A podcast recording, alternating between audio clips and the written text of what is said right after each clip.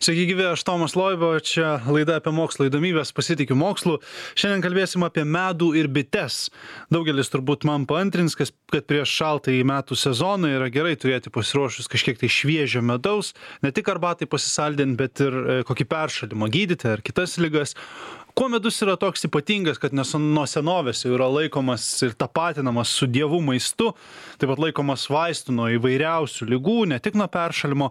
Kas per įdomūs procesai ir gyvenimas verda aviliuose? Apie tai ir pakalbėsim su bitininku daktaru justinu kretavičiumi nacionalinės bičių selekcininkų asociacijos vadovu. Sveiki justinai. Laba diena kuo jūs asmeniškai patraukė biologijos mokslai ir, ir ne tik, kad biologijos mokslai, bet ir tuo pačiu bitininkystė? Nes čia yra be abejo susijusios dvi sritys, tai kaip jūs ten atsidūrėt? Na tai vis tiek kažkaip žmogus turi kažkuo domėtis, traukti kažkokias rytis. Ir paauglystėje mane traukė augalai, gamta ir taip susiklostė, kad būnant keturiolikos metų gavau dovanų bičių avilį. Na ir, sakykime, ta bitininkystė tokia tapo domėjimosi sritimi ir toks buvo noras ateityje, galbūt pabaigus bazinės studijas, mokslą būtent daryti, tyrinėti iš, iš bitininkystės ryties. Na, tokia kaip bitininkystė nėra atskira sritis, yra daugiau biomedicinos krypčiai priskiriama šaka.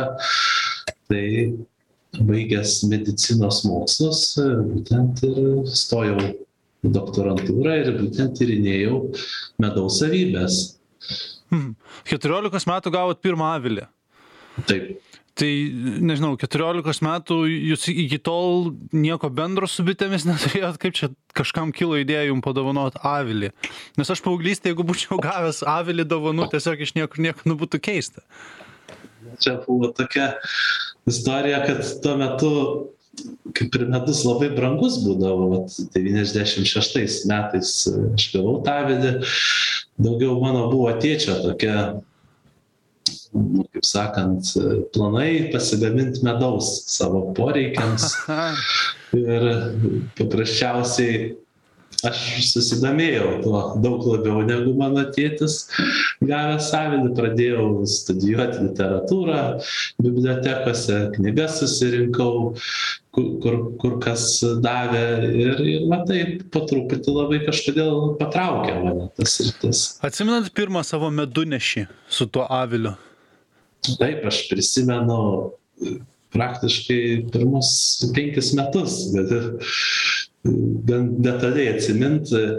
Tai pasakysiu, tas pirmas avilys mano atnešė tais metais kažkur tai pagamino, sakykime, medaus apie 3 kg. Tiksliai nepasakysiu, ar 3 litrus, ar 3 kg, bet vat, tokį kiekį. Mhm. Antrais metais dar mažiau, na o trečiais metais e, dar buvo padovanoti du spiečiai kaimyno tai sakykim e, jau padaugėjo to medaus. Kuo skiriasi kilogramas medaus nuo litro medaus? Tai lyginamasis tankis medaus yra didelis, nes angliavandeniai daug sveria, cukrai. Tai vienas litras sveria kilogramą 400 gramų. O ko, kokį mes kiekį perkam e, turguose, sakykime, ten litrais ar, kilo, ar kilogramais, kaip ten skaičiuojama yra? Na, tai toks, sakyčiau, gal paradoksas Lietuvoje, nes pas mus populiariausia tara yra puslitrinis stiklainis. Ir tas puslitrinis stiklainis sveria 700 gramų. Na, o vakaruose yra po pusę kilogramo pati populiariausia pakuotė. Tai tenais 300 kažkur 40 ml būna, e, jeigu litrais išreiškus toks nei šioks, nei toks skaičius. Na, o pas mus e, ta pakuotė dėl to tokia populiariausia nuo senų laikų, kad e, nuo visokių majonezo nuo kečupo būdavo išplaunami tie stiklainiai paprasčiausiai neinvestuojama į specialią tarą ir prigijo taip. Aišku dabar jau to to to nieks dažniausiai nedaro jau perka naujus stiklainius naują tarą bet va toksai tradicija sakykim tapo ir ir tuos puslitrinius stiklainius dažniausiai pakuojama. Dar kita pakuotė yra į septynių šimtų dvidešim nuo žirnelių buvusių žirnelių tai ten Labai vienas gal kilo praktinių sumetimų, ar ne? taip tai ten ten vienas kilogramas telpa medaus tai va tokia pagrindinė septyni šimtai ir vieno kilogramo bet tai čia grynai va kaip jūs paminėjot dėl praktinių sumetimų Mhm. užsieny dažniausiai pusę kilogramo fasuojama Tai, e, o jis kai cukruojasi medus, keičiasi jo tankis to pačiu, ar ne? Tai kai cukruojasi medus jo tūris šiek tiek sumažėja Sumažėja, nes labai nedaug ten sumažėja procento dalimis bet sakykim jeigu taip grubiai pasakysiu įpylus penki šimtai mililitrų skystas medus būna tai susikristalizavęs na kokį keturi šimtai devyniasdešim mililitrų Labai nežymiai. tūris. Labai nežymiai. Ir ką noriu pabrėžt kai jisai kristalizuojasi ypač ypač šviesesnėj temperatūroj atsiranda tokie raštai stiklainio paviršiuje. Stiklainio paviršiuje medaus paviršiuje po dangteliu pa pabaltuoja. Tai čia tokia gaunas kaip e, kristalizuojasi molekulės įtraukiamas vanduo prie gliukozės prisijungiama ir atsiranda oro tarpeliai mikroskopiniai. Tai būtent tie mikroskopiniai oro tarpeliai e, tokį duoda e, raštų pavidalą medaus stiklainių paviršiuje. Užsienyje vėl tų raštų stengiamasi išvengt tai prieš fasuojant prieš pakuojant vakuumas yra padaromas po dangteliu ir tada tas vakuumas e, tą orą ištraukia nu paviršiuj su po dangteliu. Mhm. tas oras susikaupia dėl to tų raštų nesimato. Pas mus dar klaidingai sakoma raštai tai yra gliukozės balti kristalai. Tai tikrai šito nėra nes e, pas mus visuotinai priimta kad tai yra natūralus medus nes gliukozės balti kristalai išsiskiria. Taip tai jis yra natūralus būtent labai atkaitintas medus nesusikristalizuoja taip. Jisai kristalizuojasi kiek kitaip nes skystesnis būna ir tų tokių ne taip greit kristalai formuojas dėl to tų raštų ne neatsiranda. Mhm.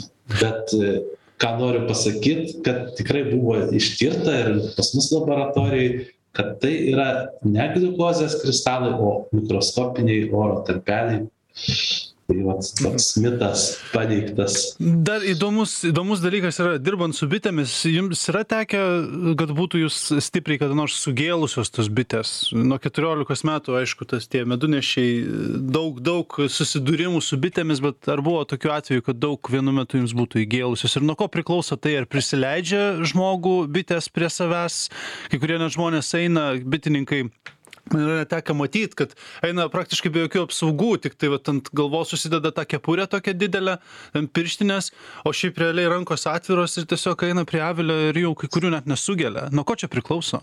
E, čia labai plati tema yra tai aš pabandysiu paaiškint jūs mane paklauskit kokių reiškias klausimų kyla. Esmė tokia kad aš manau kiekvieną bitininką yra sukėlę sugėlę stipriai bitės ir praktiškai tas sugėdimas e, anksčiau būdavo kiekvieno sezono metu kad stipriai sugelia na dabar jau kokie penki metai paskutiniai tokių stiprių sugedimų kaip ir neteko patirt tas skaitau stiprus sugedimas tai yra apie penkiasdešim bičių per per vieną sakykim kartą nu ne tai kad per vieną valandą bet bet nu per per dieną per pusdienį vat. tai jau po tokių penkiasdešim įgedimų tai jau dažniausiai darbas tada yra stabdomas nes pasidaro silpna pasidaro taip nu grynai nuodų tas poveikis jau per didelis būna o bičių įgėdimai tai pagrinde yra nuo bičių rasės būtent selekcionuotos bitės negelia praktiškai labai mažai geria, labai sunervuotės reikia. Antras aspektas, kokie orai. Tai pavasaris, vasara, kai būna saulėti geri orai, irgi linkia geros bitės beveik negelt. O lietingų orų, vėjuotų orų, tai netgi labai geros bitės vis tiek linkia paskiepyti tai bet sakot priklauso nuo ra o nuo dienos pa nuo paros laiko pavyzdžiui naktį mažiau gelia kai jos arba ten nežinau kai kurie žmonės perkėlinėja avilius pavyzdžiui iš vietos į kitą vietą naktimis kad bičių neprižadinti ar čia irgi yra mitai Nu, ten ne dėl to čia perkelinėja naktimis, o dėl to, kad bitės suskrenda naktį miegot į avilį, nes bitės irgi miega kaip ir visi gyvūnai. Tai galim tada visas bites be jokių nuostolių pervežt. O jeigu sakykim vakare į kitą vietą perkeliama tai galima tiktais po du metrus perkeldinėt kasdieną nes bitės tada įsiminusios aplinką būna paprasčiausiai neras to avilio tai irgi dėl to kad jos neklaidžiotų jau būna susirinkę tada porą metrų į šoną perkeli ir jos kitą dieną išskrenda jau vėl kita kita aplinka atpažįsta tai o šiaip tai anksti ryte irgi piktos bitės būna kodėl? Kai vat saulė teka. Na apskritai bitės yra piktos saulei nusileidus ir saulei nepatekėjus būtent Piktos, yra, piktos, kai jas judini kažkaip, kai prie jų prieini, jos tada... Kai, ta, reiškia, būtent dendant į avilį kažkokias, atliekant manipulacijas norint, tai jau, kai saulė nusileidžia, geriau iš tikrųjų niekada nelyst ir, ir ryte irgi maždaug. Mhm. Kai atšyla oras, saulė patekėjus bent jau valandą, dvi, kad praeitų geriausia. Dar užsiminėt, kad priklauso tas sugėlimas nuo rasės bičių, ar ne? Tai tos rasės, jos yra, jų yra Lietuvoje, kurios auginamos skirtingos ar plius minus į, į, į tą pačią pusę? Tai rasės vietinės bitės yra piktos bitės, nes. Lietuviškos bitės vietinės? Liet, lietuviškos vietinės. Tikrai piktos, aš pats esu matęs, dar kai buvo draustinis vietinių bičių E, dėl to, kad jos neselekcionuojamos ir iš prigimties jos piktesnės, nes visgi čia miškų regionas yra buvęs nuo seno ir meškos gyveno, kiti kenkėjai, tai jam toks išsivystė piktumas. Tarkim, kokios Kaukazo bitės arba Karnikos bitės, kur gyvena kalnuose, kalnų olose, tenais matomai tokių kenkėjų nebuvo kaip meškų, gal paukščiai daugiau, ten netokios bitės piktos iš prigimties. Tai pas mus dėl praeities kažkokių tai nuoskaudų bitės yra piktos kompleksų. Nu, tai, tai būtent dėl šitų meškų. Meškos supykdė mūsų bites, ar ne? Pakalbam apie medų. Medus turi labai daug įvairių e, istorijų, pasakojimų, dėl ko jisai naudingas ir kuo jisai naudingas. Tai e, jūsų akimis, kada, kas yra naudingiausias medus ir kuo medus yra na, vat, naudingiausias, jeigu tai pabrėžt kažkokią tai vieną konkrečią jo savybę. Ir, ir kaip jį vartojant tada gaunamas tas pagrindinis naudingumas. Nes irgi e, pilti medų į labai karštą arbatą yra negerai, todėl kad labai daug naudingų savybių išdega, ar ne? Čia vienas iš tų dalykų. Lygiai taip pat ir kepti medų, ten jį labai kaitinti stipriai irgi nėra gerai, ar ne? Tai kada tas medus yra pats naudingiausias ir kaip jį vartoti? E, šiaip mokslas labai daug išrado tokių savybių apie medų, atrado maždaug nuo kokių 85 metų, nes iki tol aparatūros nebuvo tokios, buvo manoma, kad meduje naudingiausia yra vitaminai, kitos medžiagos ir kai dabar yra tyrimų galimybės nemažos, tai vis atranda naujų tokių komponentų. Ir pagrindinės savybės meduje tai tokios yra antioksidantai, tai jie skirstomi į fenolius polifenolius karotenoidus kur būtent spalvą suteikia dažančiąją tokią paskiau fermentai gliukozės oksidazė jisai jinai gliukozę skaldo iki deguonies ir ir vandenilio peroksido. Fermentas invertazė jisai skaldo cukrų į gliukozę ir fruktozę ir kitus disacharidus. Ir po to dar yra diastazė. Diastazė krakmolą skaldo tai žmogui naudingiausi meduje yra būtent antioksidantai visi šitie polifenoliai fenoliai ir gliukozės oksidazė fermentas. Fermentas tai yra baltymas ir jisai veikia maždaug kai yra trisdešim procentų medaus ir septyniasdešim procentų vandens. Galima iki pusės pusę ant pusės bet būtent reikia praskiest su vandeniu ir tas praskiedimas turėtų būti e, maždaug galutinis tirpalo koncentracija pasiekus temperatūra neturėtų viršyt penkiasdešim penkiasdešim penkių laipsnių nes nuo penkiasdešim penkių laipsnių šis fermentas pradeda prarast savo gebėjimą veikti tai vat kaip seniau būdavo pienu už užplikoma medus tai tas pienas vis tiek turėtų būti kokių bent jau kokių šešiasdešim laipsnių temperatūros Mhm. pajaust galim ir sumaišius su medum vat toks penkiasdešim laipsnių temperatūros prasiskiedžia suveikia fermentas pieno baltymai padeda prilipti tam fermentui ant gerklės tokios jeigu kažkiek peršąla reiškias padeda apsaugot. Paskiau tie antioksidantai irgi jie nebijo temperatūrinio poveikio kaip fermentai galima naudot ir aukštesnėj temperatūroj bet kadangi norint išsaugot tą fermentą tai geriau neviršyt to penkiasdešim penkiasdešim penkių laipsnių. Na o dėl kepimo tai aišku fermentas gliukozės oksidazė žus bet antioksidantai dauguma antioksidantų yra atsparūs temperatūrai.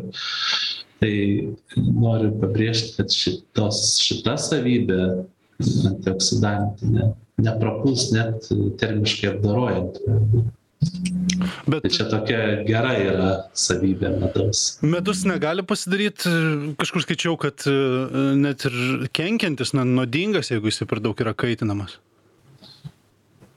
Tai pats medus, jeigu e, dažnai yra kaitinamas įmonių didelių, kurios perfasuoja medų ir kaitinamas savaitėm. Nu, gal ne savaitėm, parom, nes būna pakuojamas į statines, transportuojamas, paskiau atšildomas, tai jūs pagalvokit, jeigu 300 litrų statinė iki pat skistumo jinai turi atšildomą, tai būna 70 laipsnių temperatūroje kaitinama, tai toks, tokia medžiaga atsiranda hidroksimetilfurfurolas, jis trumpinas HMF raidėmis, tai šis rodiklis tyriamas maisto ir veterinarinės tarnybos, kad jis neviršytų 40 mg kilograme. Na, o lietuviškame medume, meduje, kur yra kokybės ženklų paženklintas, šį ženklą e, naujai patvirtino e, Žemės ūkio ministerija reikalavimus ženklint medų ir kitiem maisto produktam, tai 25 mg šitos medžiagos. Tai reiškia, kad jeigu lietuviškas medus šildomas bitininko tam, kad perfasuot lengviau, kad būtų išfasuot, tai jis labai trumpai tik tai šildomas, kokį 15-20 minučių. Tikrai niekad neviršyje šito numatyto kiekio, todėl lietuviškas medus, aišku, ir užsienietiškas, jeigu jisai išfasuotas, ne, neperkaitinant to medaus, iš kibirų fasuojamas, tai tikrai nėra jisai blogas medus. Tai reiškia, savo pakenkti vartojant medų negali, nebent esi jam alergiškas. Na, tas alergiškumas irgi maždaug, literatūra 2 procentai žmonių alergiški medui.